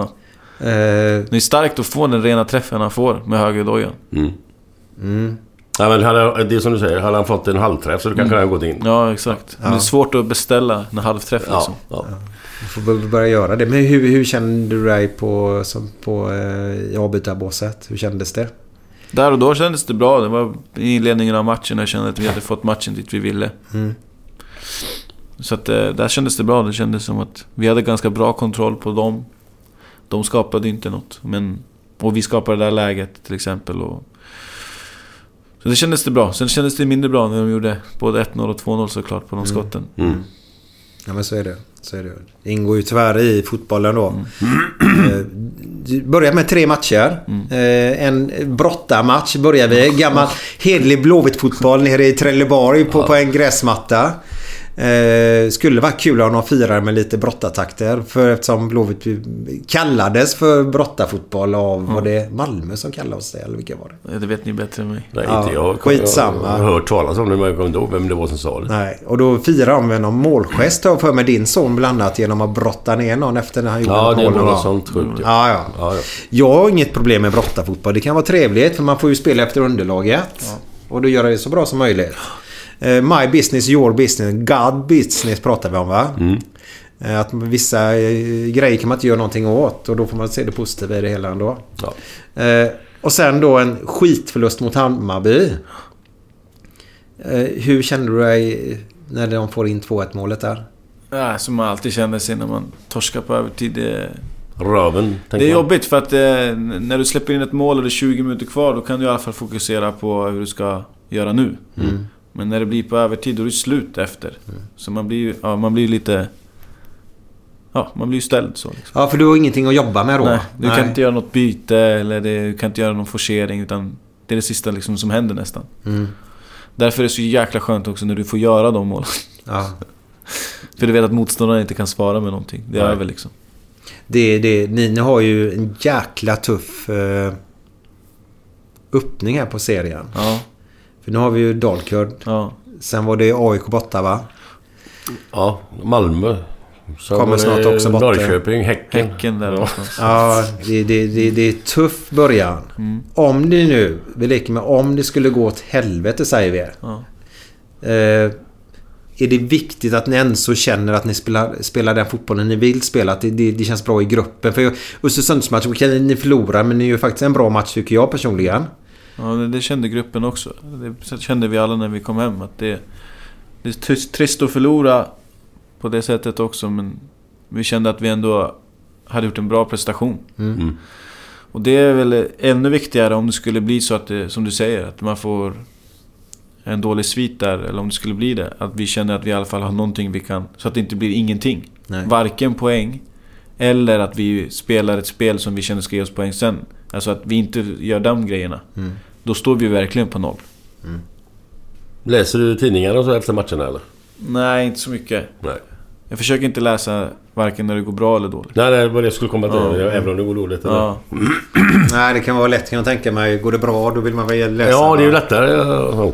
Men... Ja. eh, Nej, men det måste väl bara ge negativ energi att läsa om man sett att man förlorat en match. Ja, men alltså hur mycket man än pratar om att man inte ska låta sig påverkas så blir folk påverkade. Därför är, är det bättre att inte läsa. Sen kan jag väl läsa vissa saker som jag vet ändå inte kommer påverka mig. Mm. Men är man en person, eller är man en spelare som inte klarar av eh, att bli påverkad, då ska man inte läsa.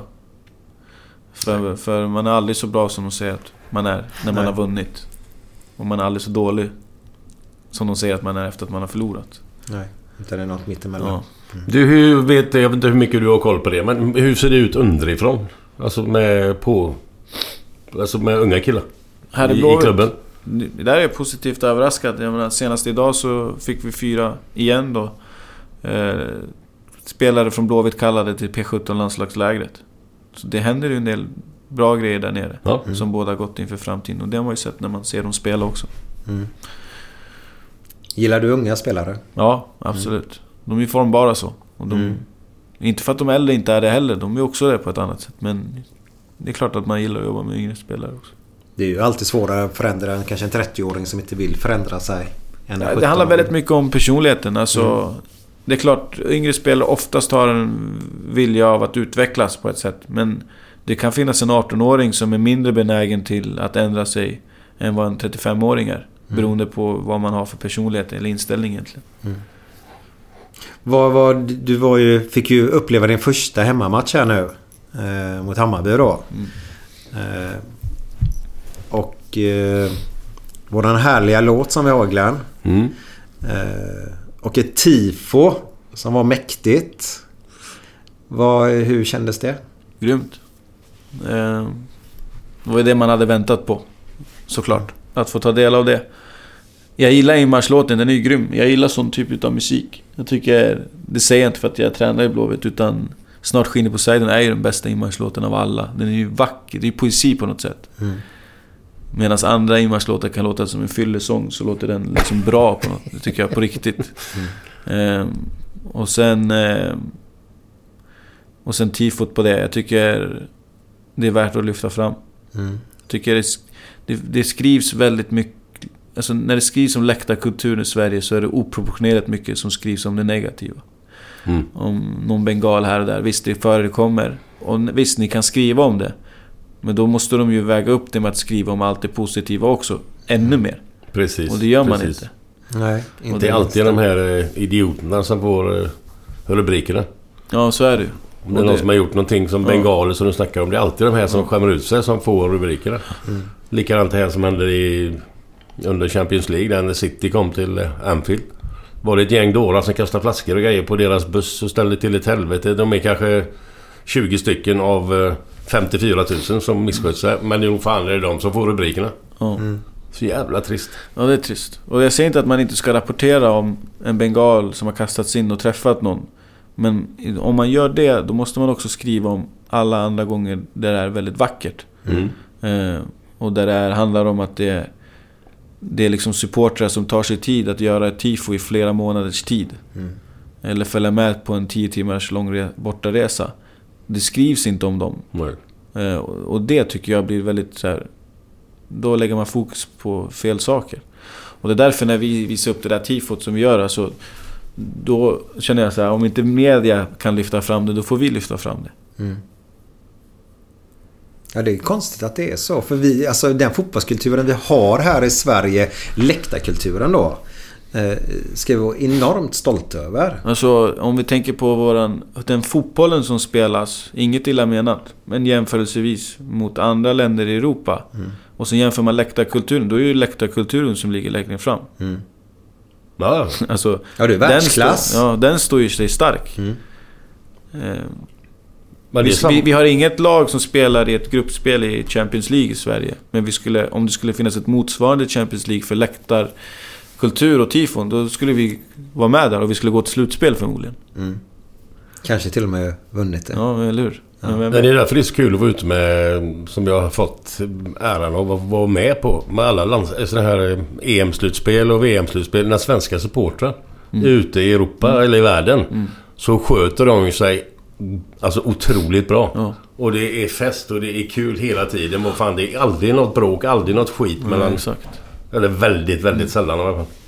Alltså, Jag har aldrig upplevt något. Det var nära i Kiev med engelsmännen där men det började regna så det blev inget. Vänta det regna och då... Gubbar, det regnar. Vi skiter Nej, men, i nej, detta. men det, var så, det, var så här, det var så här att... Det var innan matchen mot England. Och så fanns det ett ställe som hette Swedish Corner som jag själv var med i med, med den här resebyrån som jag jobbar för. Två barer, så långbord emellan. Och det var kanonväder och så kom det ett gäng engelsmän, ett par hundra stycken. Och det var ju bara svenskar som var där. Det var inga engelsmän. De hade varit välkomna men... Men då kom de in och så började det kastas skit fram och tillbaka. Och så var det någon svensk som skickade någon flaska eller någonting. Mhm. Och då gick det ju... Så då började det ju koka liksom. Då började det regna. Och sen dog allting ut. Jaha. Det blev ingenting eh, tack vare att det kom någon skur där liksom. Och då, då dog allting ut. Så det var jävligt bra att det började regna. Det är enda gången det var positivt. Ja, det, är, ju- det är ju spännande att lite regn kan stö, störa Ja, huliganerna. Jag säger det, alla, alla människor, alla spelare, Zidane även, har en svag punkt. Och Zidane hade ju en svag punkt i VM-finalen 06 då. Mm. Han spydde menar du? Nej, han skallar ju ner han, just det, ja, italienaren. Ja, är finalen. Ja. Ja, Macke... Macke... Vad heter han? Materazzi. Ja, i finalen Materazzi. ja. Och eh, den svaga punkten besitter vi alla någonstans. Ja. Och då är frågan vad din svaga punkt är. Har du någon svag punkt? Ja, ja det tror jag. ja, det har jag. Ehm, Där du brinner till och blir förbannad. ja, Kan, kan det vara med spelaren att göra det han... nej alltså inte så. Jag blir inte förbannad som tränare Nej. på spelare och sådär. Jag, jo, alltså det kan ha hänt. Men det är inte det. Jag kan bli eh, riktigt förbannad när jag ser, när jag känner att någonting är orättvist. Mm. Alltså inte mot, nödvändigtvis mot mig. Utan när någonting bara, när man ser orättvisa någonstans. I, Det i gör- samhället. Ja, det, alltså det kan man liksom... För det, det kan man verkligen bli koka över. Mm. För att det är så svårt också att påverka. Men hur är du på kanten? Jag har inte tänkt på det faktiskt nu. Det det är för nytt. Man hoppar du och tjoar och så och hoppar och skriker och liksom... Nej, det- Eller sitter du lugnt hela tiden? Jag sitter ganska mer lugnt nu tror jag än tidigare. För du kan ju påverka så lite när det är 17 000 på Ullevi liksom. Mm. Förut hördes jag i alla fall. Eh, nu, jag försökte skrika på André där mot Hammarby och säga en, ett direktiv till honom. Och jag alltså, skrek mig hes i tre minuter. Och han hörde ändå inte. André, André, André, André, André! Alltså det var ju lönlöst. Jag gav ju upp till slut. Ja. Så får man ju rycka tag i någon som är nära och så får han gå och säga det. Mm. Men jag tror att jag... Och sen har jag... ja, Jag blev lugnare med åren också. Mm. Var det inte Nordin Gerzi som fick en lapp? Ja. Då känner jag igen... Var det väl? Förra året. Ja. Ja. Som han sen inte förstod, har jag för mig. Nej, det var något sånt där. Han fick en lapp så han stod mitt på planen och läser och läser och läser. Men berättade berätta inte det när vi hade han i podden? Sa han ingenting om det då? Nej, det, det här hände efteråt. Jaha, jaha. Vi har haft Nordin som gäst i podden också nämligen. Han har väldigt intressant eh, story bak, bakom sig. Ja. Eh, på tal om att alla tror att man måste träna. Mm. Han slutade spela fotboll när han var 16 och började typ när han var 20 igen. Okej, det visste inte jag. Nej, jag visste inte han det. tog break från fotbollen? Ja, ja. Starkt ändå. Så han kom tillbaka i 20 års... Ja, jag tror han var 20 där då. Till... eh, Kommer inte ihåg vilken... Det var inte till Örebro direkt. Det var Axén tränade i division 3-klubb tror jag eller någonting. Då kom han tillbaka som han själv kallar sig som en tjockis, chipsätande människa. Men det tog ett tag till så började han träna och rätta och sen så kom han dit han kom ändå. Det är ganska imponerande. Ja. För det är ju utvecklingen i 16-20 är ju Ja, den stora absolut. utvecklingen oftast. Eh, vi ska bara önska dig ett stort, stort jävla lycka till. Ja, absolut. Skattas. Och eh, hur mycket den kommer blåsa omkring dig så kommer vi alltid stå vid din sida. Ja, det uppskattar jag. Glenn kommer tillbaka efter den här låten. Får jag säga en sak? Jag Ja. bara tänkte på en grej nu. Jag vet inte varför, men Jo, jag måste bara fråga. Favoritfilm? Eh,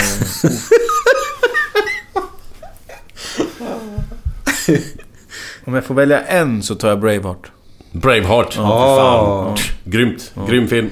Är det, är det slutscenen där du gillar mest då? Eller Nej, det är det faktiskt inte. Utan är det är i mitten. När han... eh, När de ska ha det här först... När de ska... När de vinner det här första... eh, Slaget där, slaget typ. där. Ja. Och han håller sitt eh, Brandtal. brandtal där. Ja. Det ger mig gåshud. Är Fan vad stort. Är du bra på brandtal? Ja, det, det får min omgivning svara på. Men jag, jag har försökt mig på några i alla fall, det kan jag säga. Ja. Det kan ju förändra en hel grupp. Eh, kan du göra. Om Ja. man håller ett riktigt, riktigt bra budskap. Och man får Ja. fram det också. Ja, absolut. Det håller jag med om. Så eh, du får hålla lite brandtal här framåt i tiden nu då. Men efter låten så kommer Glenn tillbaka med, med sina härliga, härliga historier. Japp, och även kanske om du har någon liten god på lut. Det vet jag inte, men... Eh, Ja, jag får fundera. Poja, tänk lite. Det behöver inte vara något märkvärdigt. Bara någon liten god. Historia alltså. Efter den här låten då. så, så, så, så vill jag bara poja till den här låten nu att... Eh, och alla ni där ute som lyssnar. Sjung med, njut och så tänk på våra härliga, härliga Ullevi.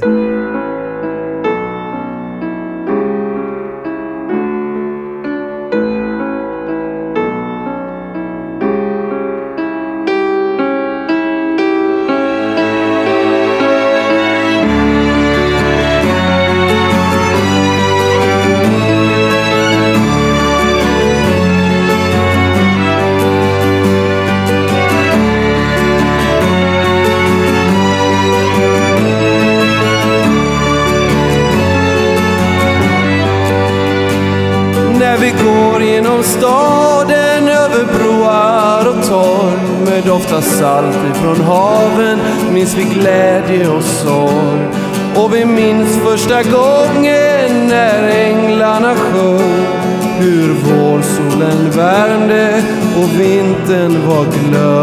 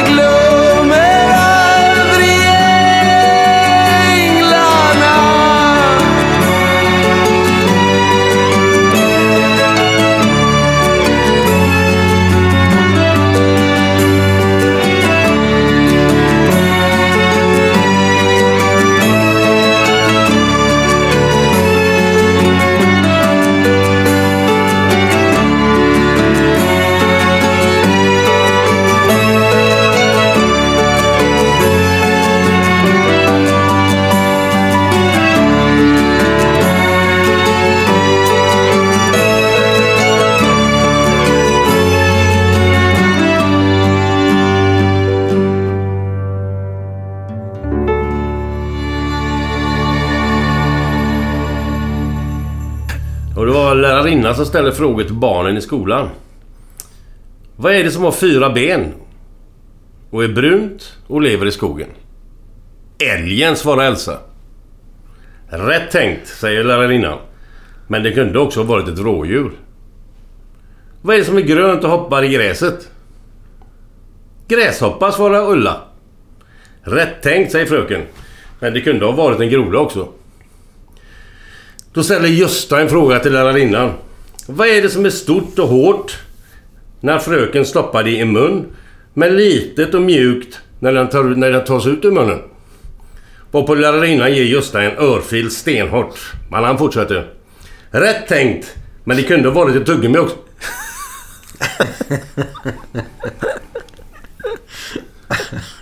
tycker jag är lite Ja. sött. Rätt tänkt, en örfil. Nej men Det är eh, att hon du förstod. väl själva ja, ja, innehållet. ja, ja. Mm.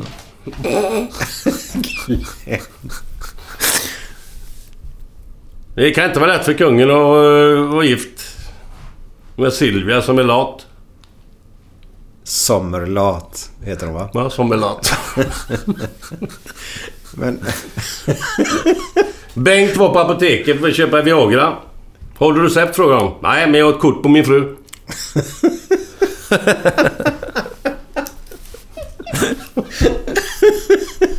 Ja. ja. Hittar vi något pojkar? Nej. Nej, okej. Skit i det. Skit i det. svårt, eh, svårt att jämföra sig också när du, när du kör innan. Då är det ännu mer press. Ja, men Poja, du lär dig med åren här nu. Du, eh, lycka till med allt nu för fan. Vi håller alla tummar som finns. Ja, och stanna länge i Blåvitt nu. Uppskattas. Tack för att jag fick komma. Tack, tack. Hej då, hej då. Hej, hej. Planning for your next trip? Elevate your travel style with Quince. Quince has all the jet setting essentials you'll want for your next getaway, like European linen, premium luggage options, buttery soft Italian leather bags, and so much more. And it's all priced at 50 to 80% less than similar brands. Plus, Quince only works with factories that use safe and ethical manufacturing practices. Pack your bags with high-quality essentials you'll be wearing for vacations to come with Quince. Go to quince.com slash trip for free shipping and 365-day returns. Mom deserves the best, and there's no better place to shop for Mother's Day than Whole Foods Market. They're your destination for unbeatable savings, from premium gifts to show-stopping flowers and irresistible desserts. Start by saving 33% with Prime on all body care and candles. Then get a 15-stem bunch of tulips for just $9.99 each with Prime. Round out Mom's menu with festive rosé, irresistible berry chantilly cake, and more special treats. Come celebrate Mother's Day at Whole Foods Market. Planning for your next trip?